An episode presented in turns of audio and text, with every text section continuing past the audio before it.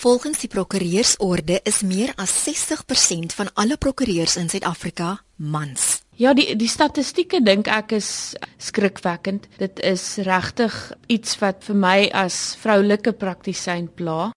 Van die oorblywende syfer is hopeloos te min vroulike prokureurs in posisies van besluitneming. Dit is skrikwekkend. Dit is ook baie ongelukkig. Dit is hartseer vir my om dit te moet sê as 'n trotse Suid-Afrikaner. Ongelukkig, die wêreld se statistieke lyk baie soortgelyk. Ek voel dit is 'n internasionale probleem en ook nie iets wat mens so vinnig 'n oplossing voorgaan kan uitdink nie. So sê Nicoline Skuman Lou, die eienaar van Skuman Law ingelyf in Kaapstad, wat vandag met my gesels oor die uitdagings en bevrediging van 'n beroep in die regte.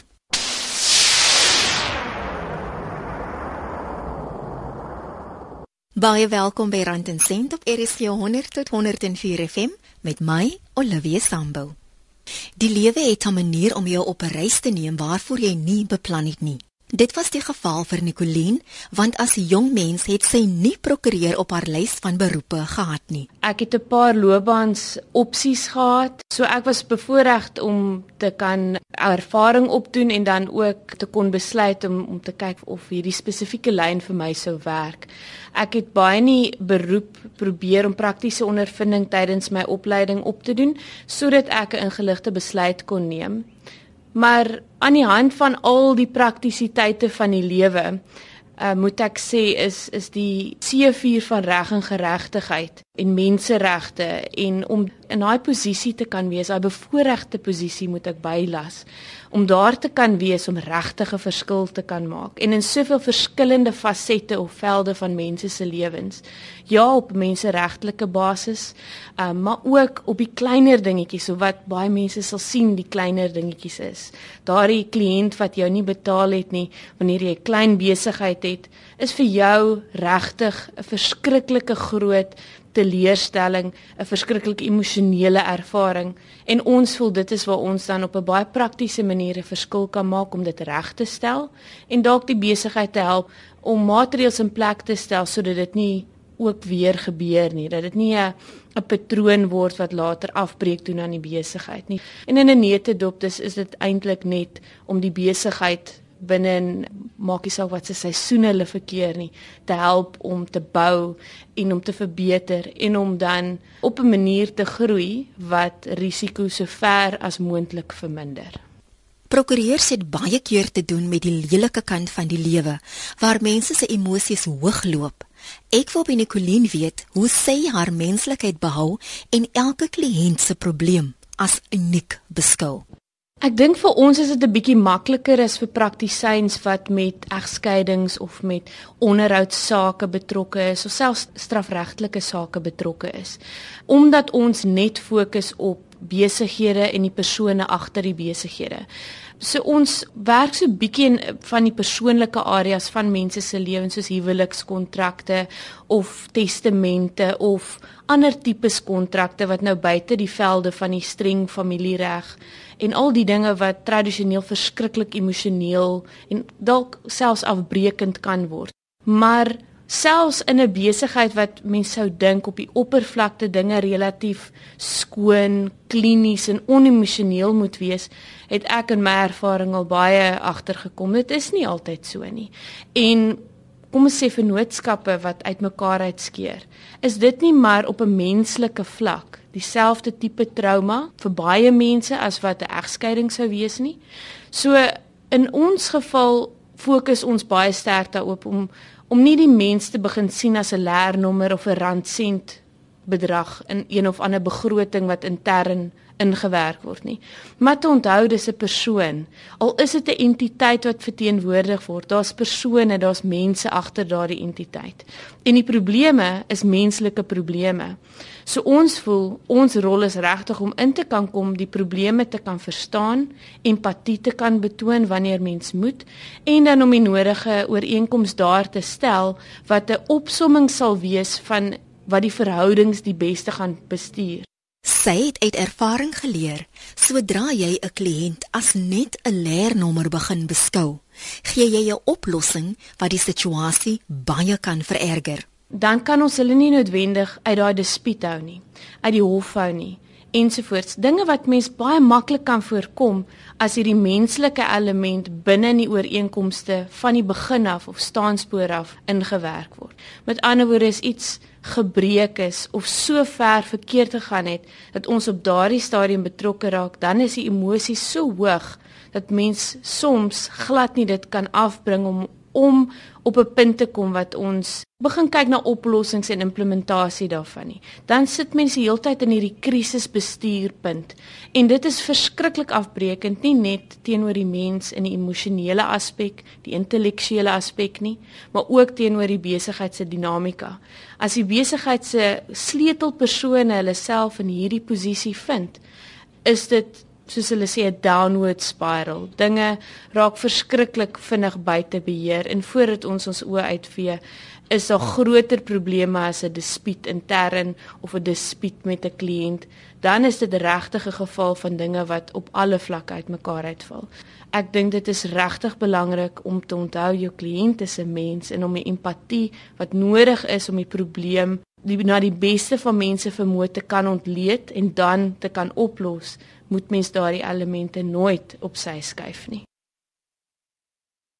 Op elke persoon se pad as jy nog net genoem het, daar is terugslag. Was daar oomblikke wat jy gevoel het ek pak nou op. Hierdie is een te veel, ek het nou genoeg gehad. Iemand anders kan nou maar oorvat.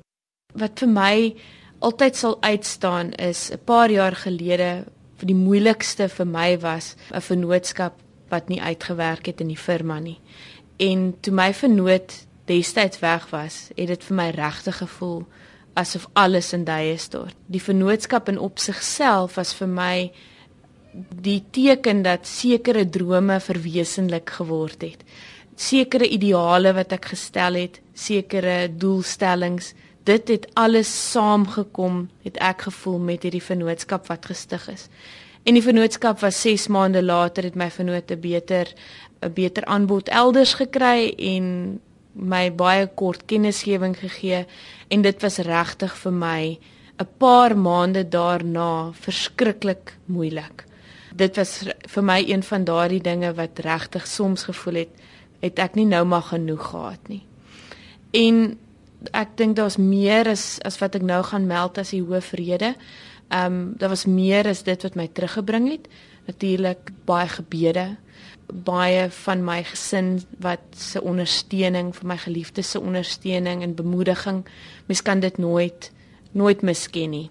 En al die gebede en die krag daarin kan mens ook nooit misken nie. Maar vir my was dit my staf en wat word van hulle? En hulle was was die die grootste dryfveer om om my te laat terugkom. Um al hulle bemoediging Dit was Nicoliens Komanlou. Jy luister na Rand en Sent op RSG 100 tot 104 FM. Jy kan ook inskakel op RSG op die DStv kanaal 913. Vandag praat ons met vroulike prokureurs en word luisteraars vrae ook beantwoord.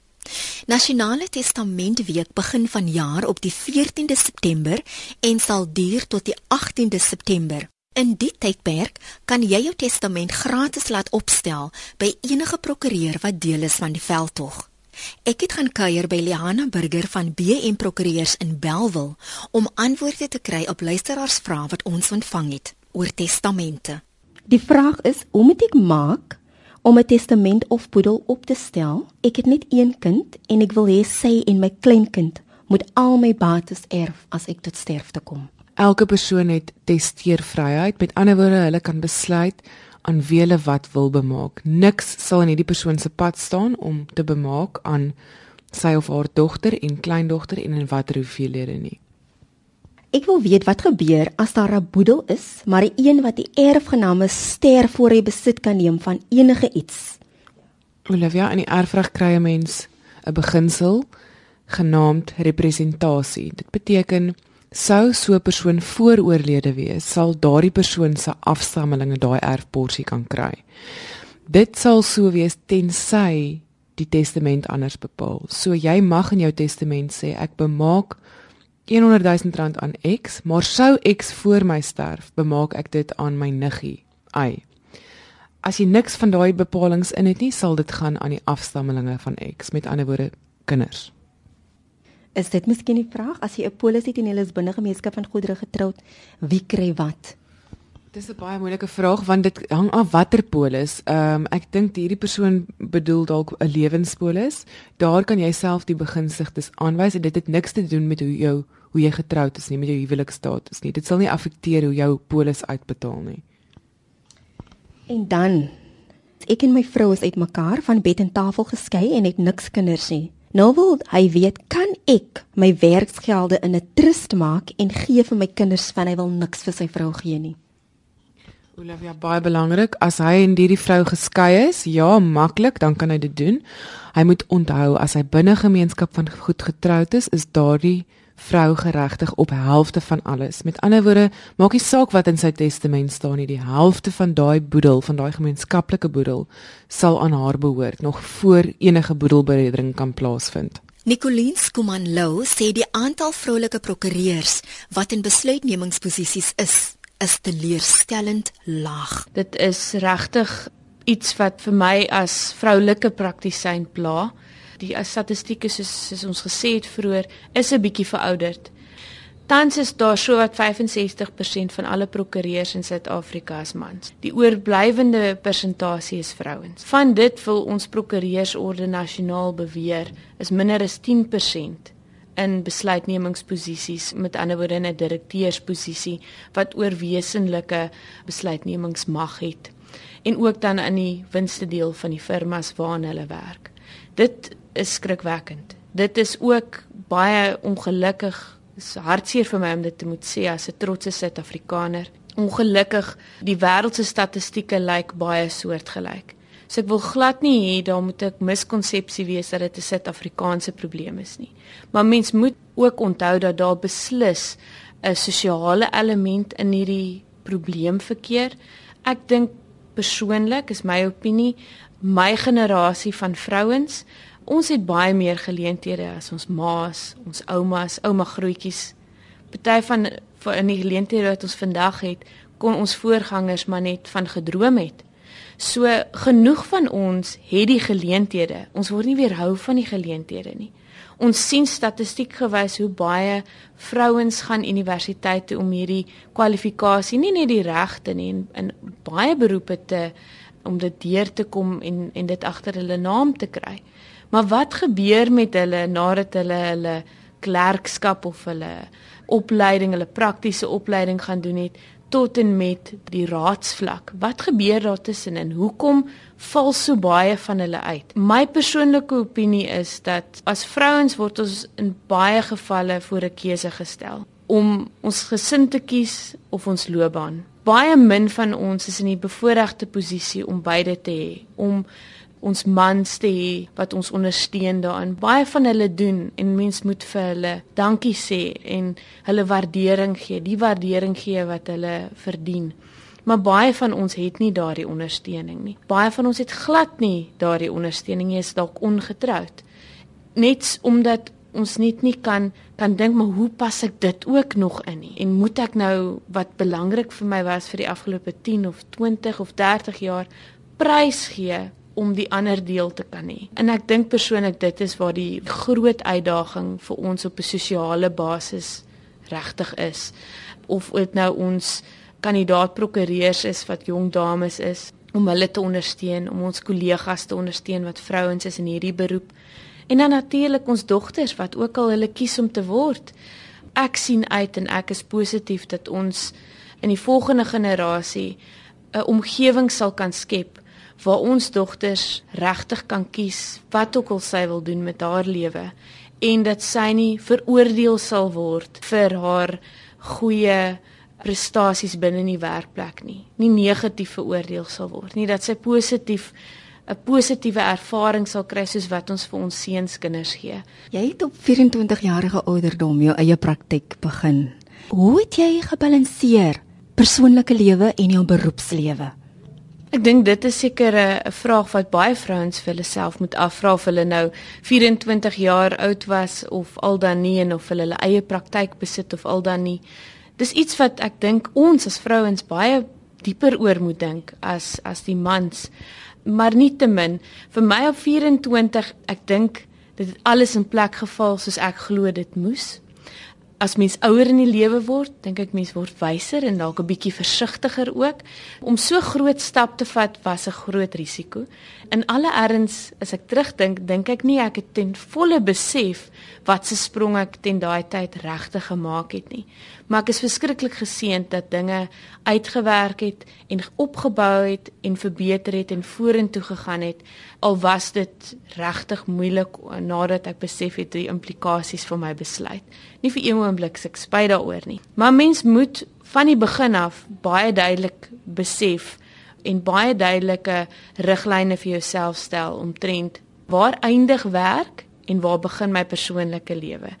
En om nooit en ek weet dit is verskriklik maklik om te sê vir al vir ander prokureurs wat hierna sou luister om te probeer om nie werk huis toe te neem nie. Dat die huis die huis bly en die werkplek die werkplek. En dit is tog so maklik vir alles ons eienaars is van ons besighede om te dink ag nee ek gaan hierdie nou by die huis klaarmaak. En baie van ons doen dit. Ek is tot vandag toe nog skuldig daarvan. Maar mens moet probeer wanneer die kalf nie in die put is soos wat hulle sê nie om daardie skootrekenaar nie uit te haal nie. Om seker te maak dat mens huis toe gaan en dan is jy daar en dan daardie tyd wat mens het wat so kosbaar is met jou gesin te bestee. So in my opinie is dit regtig net om om daai onderskeid van die begin af te tref.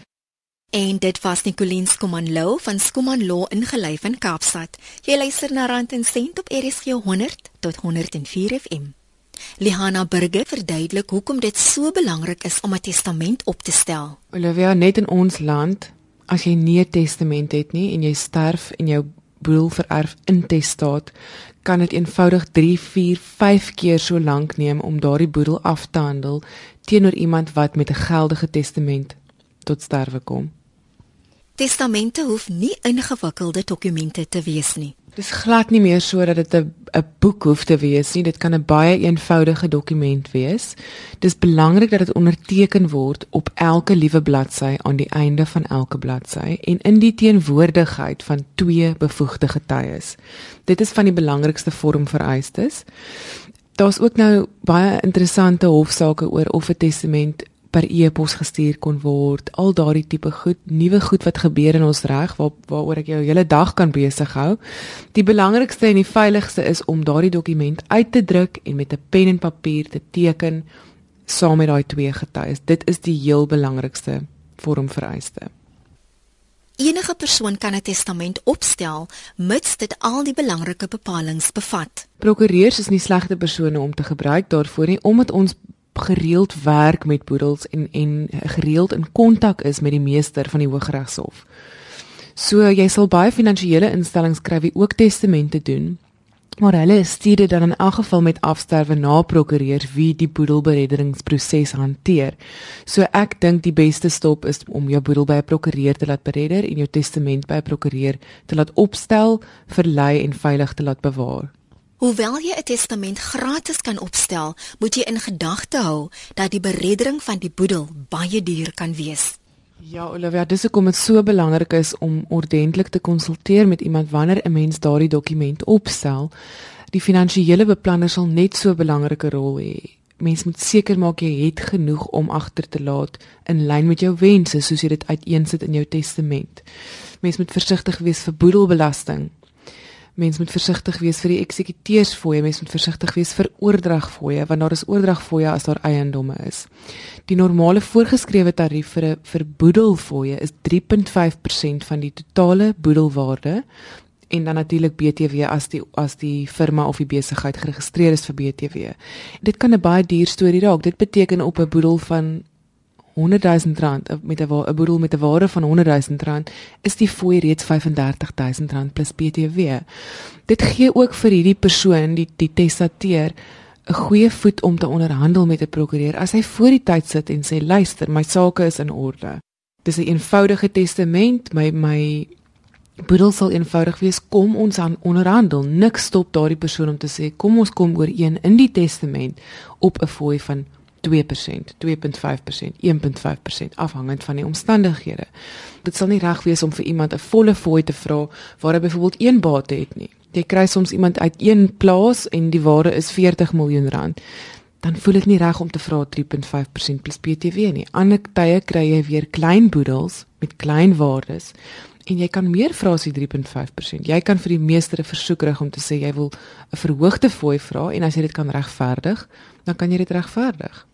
As jy binne 'n gemeenskap van goedere getroud is en jou wederhelfte sterf, word die eiendom nie outomaties op die langslewende se naam oorgeplaas nie. Baie baie waar. Jy kan nie daardie proses ignoreer nie. Die akteswet is ook baie duidelik daaroor. Die verloop van gebeure moet gevolg word. En ons sien gereeld, jy noem dit reg, ons sien gereeld hoe mense hier aankom en sê, "My gade is 9 jaar terug oorlede. Die eiendom is net in my naam." Nee, dit is nie. Dit is nog in albei se naam geregistreer. Daar moet 'n formele oordrag wees vanaf die eksekuteur vir daai halwe aandeel na die oorlewende gade toe. So mens moet daardie proses volg. Verskeie faktore kan die bereddering van 'n boedel vertraag. Samewerking deur die erfgename. Dit hang af wie die eksekuteur is of aangestel word as eksekuteur as die eksekuteur die samewerking gee nie. Problematiese bemakings, onduidelike bepalinge in testamente, geskilpunte oor handtekeninge, sulke tipe goed as mense die egtheid van 'n testament aanveg. Daar is baie goed wat 'n rol kan speel, selfs gewone versekerings of instansies wat aandele het en en nie samewerking gee nie. Jy weet, soms moet ons vir groot maatskappye 4, 5, 6 keer skryf en sê hierdie persoon is oorlede, verkoop asseblief die persoon se aandele. Dit moet in hierdie boedelrekening oop, jy weet, inbetaal word. Soms sukkel ons met die groot koppe om ons boedels afgehandel te kry, ongelukkig. Daar is sekere dinge wat jy kan doen om die proses te versnel en dit is om so gou as moontlik 'n behoorlik verlyde testament op te stel en in veilige bewaring by 'n prokureur te kry. Mense neem hulle testamente huis toe, hulle stel soms self 'n dokument op. Daardie goed verdwyn, hulle ver word verbrand, hulle word weggesteek, hulle word opgeskeer. Moenie 'n kans vat nie. Kom by 'n prokureur uit, stel dit op, gaan deur daardie proses, sê wat jy wil hê, sê of jy veras wil word, sê of jy 'n orgaanskenker is. Sê waar jy jou as gestrooi wil hê of jy begrawe wil word. Daar's soveel goed wat 'n mens net self oor kan besluit wat dit vir jou naasbestaandes baie makliker maak met afsterwe as jy 'n behoorlik verlyde testament het. Moet dit nie uitstel nie. Mense sterf elke dag. Dit dan Lehana Burger van BM Prokureurs in Kaapstad. Vir meer besonderhede oor vandag se program of vir enige inligting oor ons gaste, stuur gerus 'n e-pos na olivia.sambo@gmail.com. Ek groet tot volgende Sondagmiddag om 5uur. Totsiens van my Olivia Sambo op Rand en Sent RSG 100 tot 104 FM.